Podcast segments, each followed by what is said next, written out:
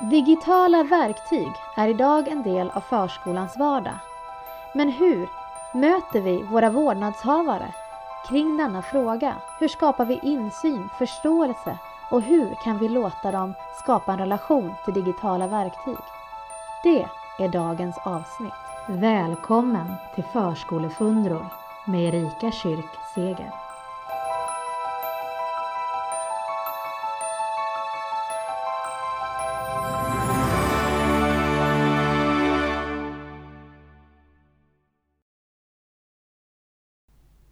Sådär, då är det nu eftermiddag.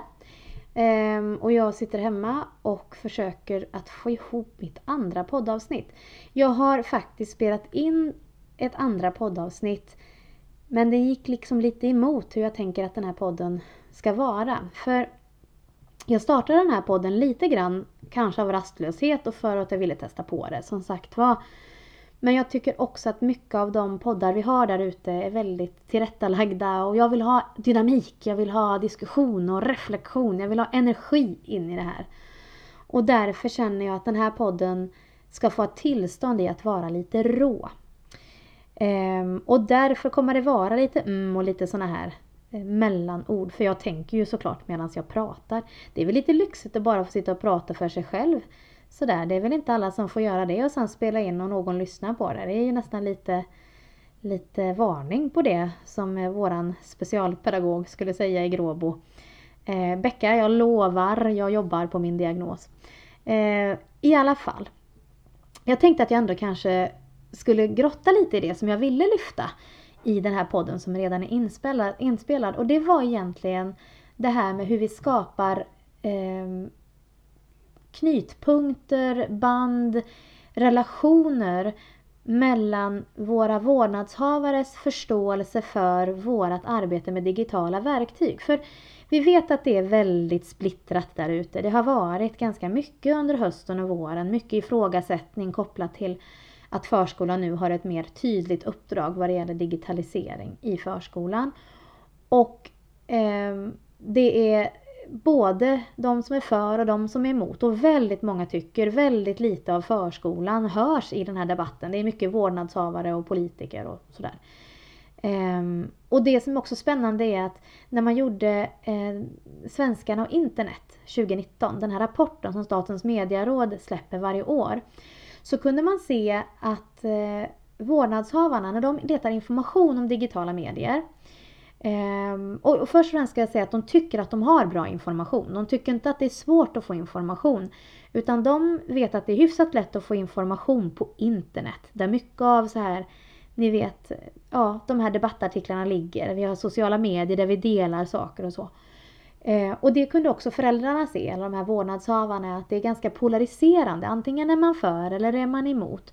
Och det kan ju såklart skapa lite oro, lite frågor och sådär. Och då ni vet ju vad som händer när man eh, känner lite oro och så vad man läser på nätet. Då går man ju kanske till sin familj eller till sina närmaste vänner. Och så frågar man vad tänker ni om det här? Eh, och det gör man också då, det, det, det, skriver man i den här rapporten att det gör man då i andra hand. Efter internet så går man faktiskt till familj och nära vänner.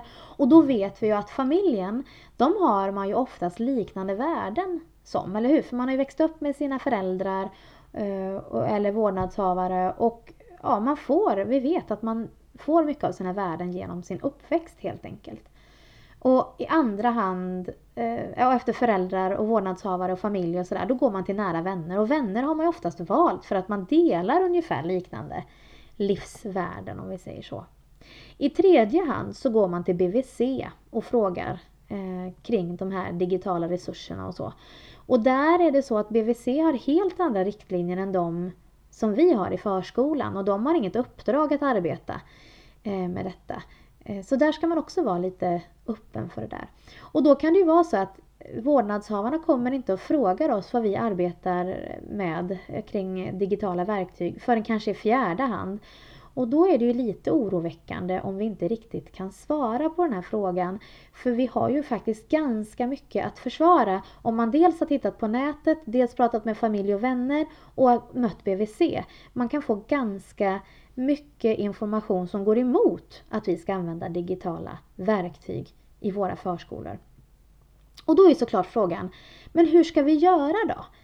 Ehm, och då tycker jag det är så spännande för jag läste här i helgen Digitalisering i förskolan på vetenskaplig grund av Susanne Kjellander och Bim Riddersporre. Och i den boken har Bim Riddersporre skrivit ett kapitel om föräldrasamverkan.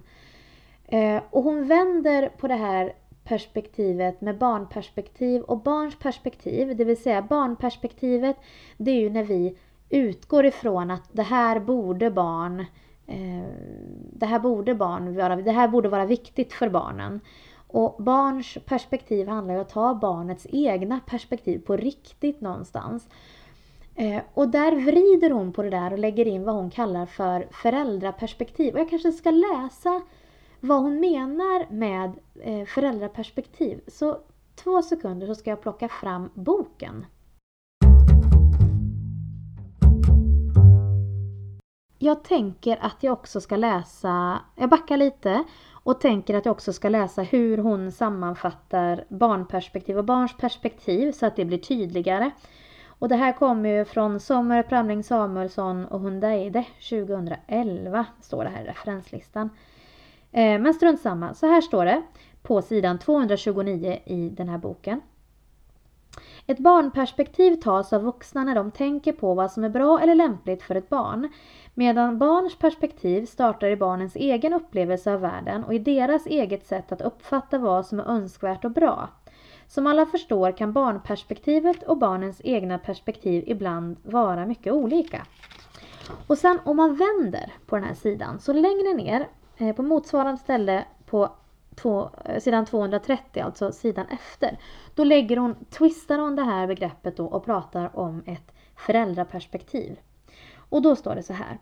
Föräldraperspektiv menar jag handlar om pedagogernas tankar om vad som är bra eller viktigt för föräldrarna, barnens vårdnadshavare, att veta, förstå eller vara delaktiga i, medan föräldrarnas eget perspektiv är något annat. Det perspektivet utgår från hur förskolans verksamhet och till exempel informationen därifrån blir mottagen, förstådd och värderad av varje enskild förälder eller annan vårdnadshavare. Det som den här boken eller det här kapitlet väckte hos mig är dels vilka vårdnadshavare har vi framför oss? Vad är våra tankar om dem? Vad är normen? Hur vill man att vårdnadshavare ska agera och vara och tänka kring det här med digitala verktyg? Det andra är att jag tänker att även när jag sitter och pratar i den här podden så pratar vi mycket om vad föräldrarna ska förstå. Vi vill att de ska förstå hur vi arbetar med digitala verktyg. Men hur intresserade är vi av att ta in föräldrarnas perspektiv, alltså vårdnadshavarnas tankar om det här med det digitala? Eller är vi lite rädda för att plocka in det, för vi vet ju inte vad det är för något vi väcker eller och sådär. Och då tycker jag det är så spännande hur man kan gå tillväga. Och i eh, vår bok eh, Digitalt meningsskapande i förskolan eh, som kom ut här i januari så skriver Emma Lewis ett fantastiskt kapitel om hur eh, de försökte skapa relationer, eller hur de skapade relationer mellan hur barnen arbetar med de digitala verktygen och föräldrarnas förståelse för vad för digitalisering är digitalitet deras barn möter i vardagen på förskolan. Eh, och därför ska jag faktiskt läsa ytterligare en liten del, men den här gången ur vår bok. Eh, och då är det på sidan 126. Då skriver Emma Lewis så här om ett tillfälle när de bjöd in vårdnadshavare eh, en kväll. Fyra lite försiktiga föräldrar kliver in i rummet, studerar barnens bygge och lärplattan som sitter fast i ett stativ. Hur gör man? Jag visar hur applikationen vi valt fungerar och peppar dem att våga tillsammans för barnens skull. Försiktigt börjar de prata om ett möjligt manus till filmen. De positionerar sig i rummet och tar olika ansvar.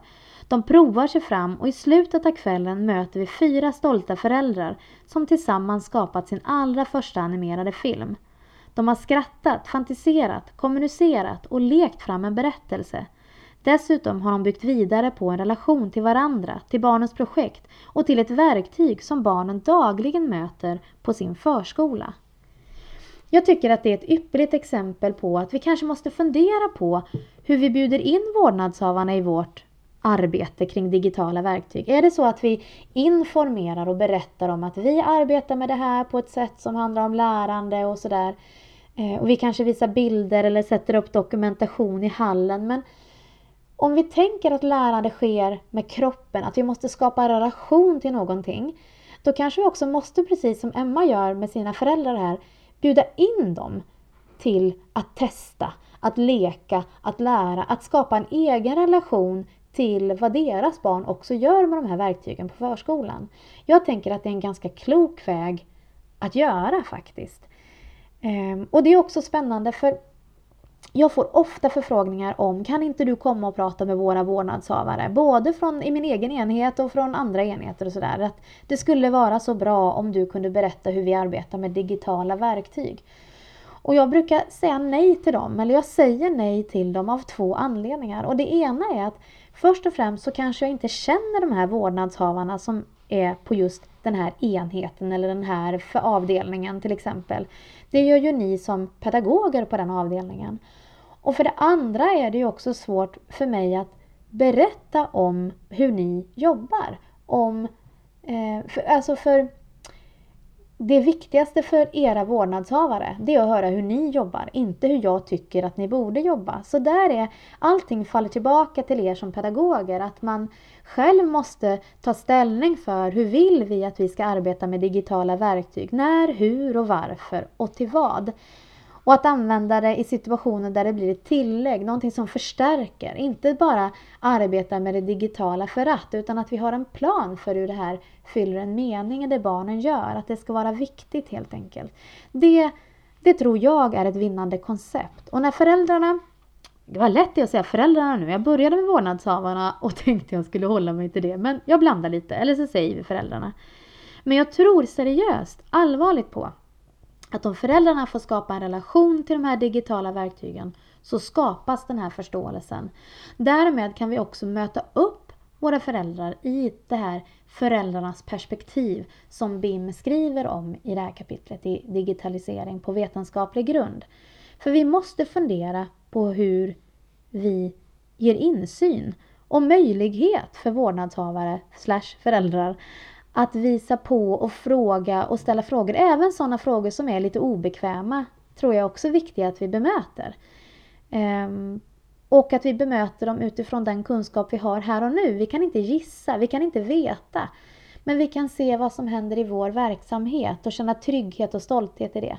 Men då krävs det också, som jag sa tidigare, att ni tar ställning för hur ni vill att era barn ska möta de här digitala verktygen. Vad är det för känsla? Vad är det för erfarenhet? Vad är det för undervisning egentligen ni vill eh, skapa med hjälp av digitala verktyg? Kopplat till det barnen såklart håller på med. Eh, det är mina tankar. Jag skulle vara så nyfiken. Det skulle vara så intressant. Jag är så nyfiken på hur jobbar ni med samverkan med era vårdnadshavare kopplat till just det digitala? Hur berättar ni för era vårdnadshavare hur ni jobbar? Hur tar ni in vårdnadshavarnas perspektiv i det här arbetet? Är det någonting ni gör eller inte? För det kan ju också vara så att man har en vårdnadshavargrupp som är väldigt oroliga och då undviker man kanske ämnet. Eller så har vi en vårdnadshavargrupp som är så nöjda så vi behöver inte ens lyfta det. Eh, vi har många olika vårdnadshavare i våra verksamheter och hur möter vi dem som vi har framför oss? Vad kommer de här vårdnadshavarna ifrån för bakgrund? Eh, vilka levnadsvillkor, sociala levnadsvillkor kommer de ifrån? Har de vuxit upp med de här verktygen? Vilken ålder är det? Är det ah, ni förstår, det här kan bli så komplext om vi bara analysera det. Men det skulle i alla fall vara intressant att höra hur ni har gjort. Vad har varit viktigt för er? Så kommentera gärna hur har ni jobbat? Eh, har ni några tips som man skulle kunna göra till exempel? Liknande det som Emma skriver om i boken. Eh, dela gärna, för jag tänker att vi behöver dela med varandra. Eh, och vi måste testa oss fram helt enkelt. Och där tänker jag att jag stannar den här eh, delen. Eh, den här sista delen på podden. Podd nummer två helt enkelt. Och jag hoppas att ni är snart eh, tillbaka igen eh, för nästa avsnitt. Vi får väl se eh, vad som händer framöver. Och tills dess så säger jag som vanligt, ni är grymma, ni gör ett strålande jobb i de här tiderna. Tro på att även eh, det här kommer bli bra. Kämpa på där ute. Ni är fantastiska. Tack för att du tog dig tid att lyssna på mig.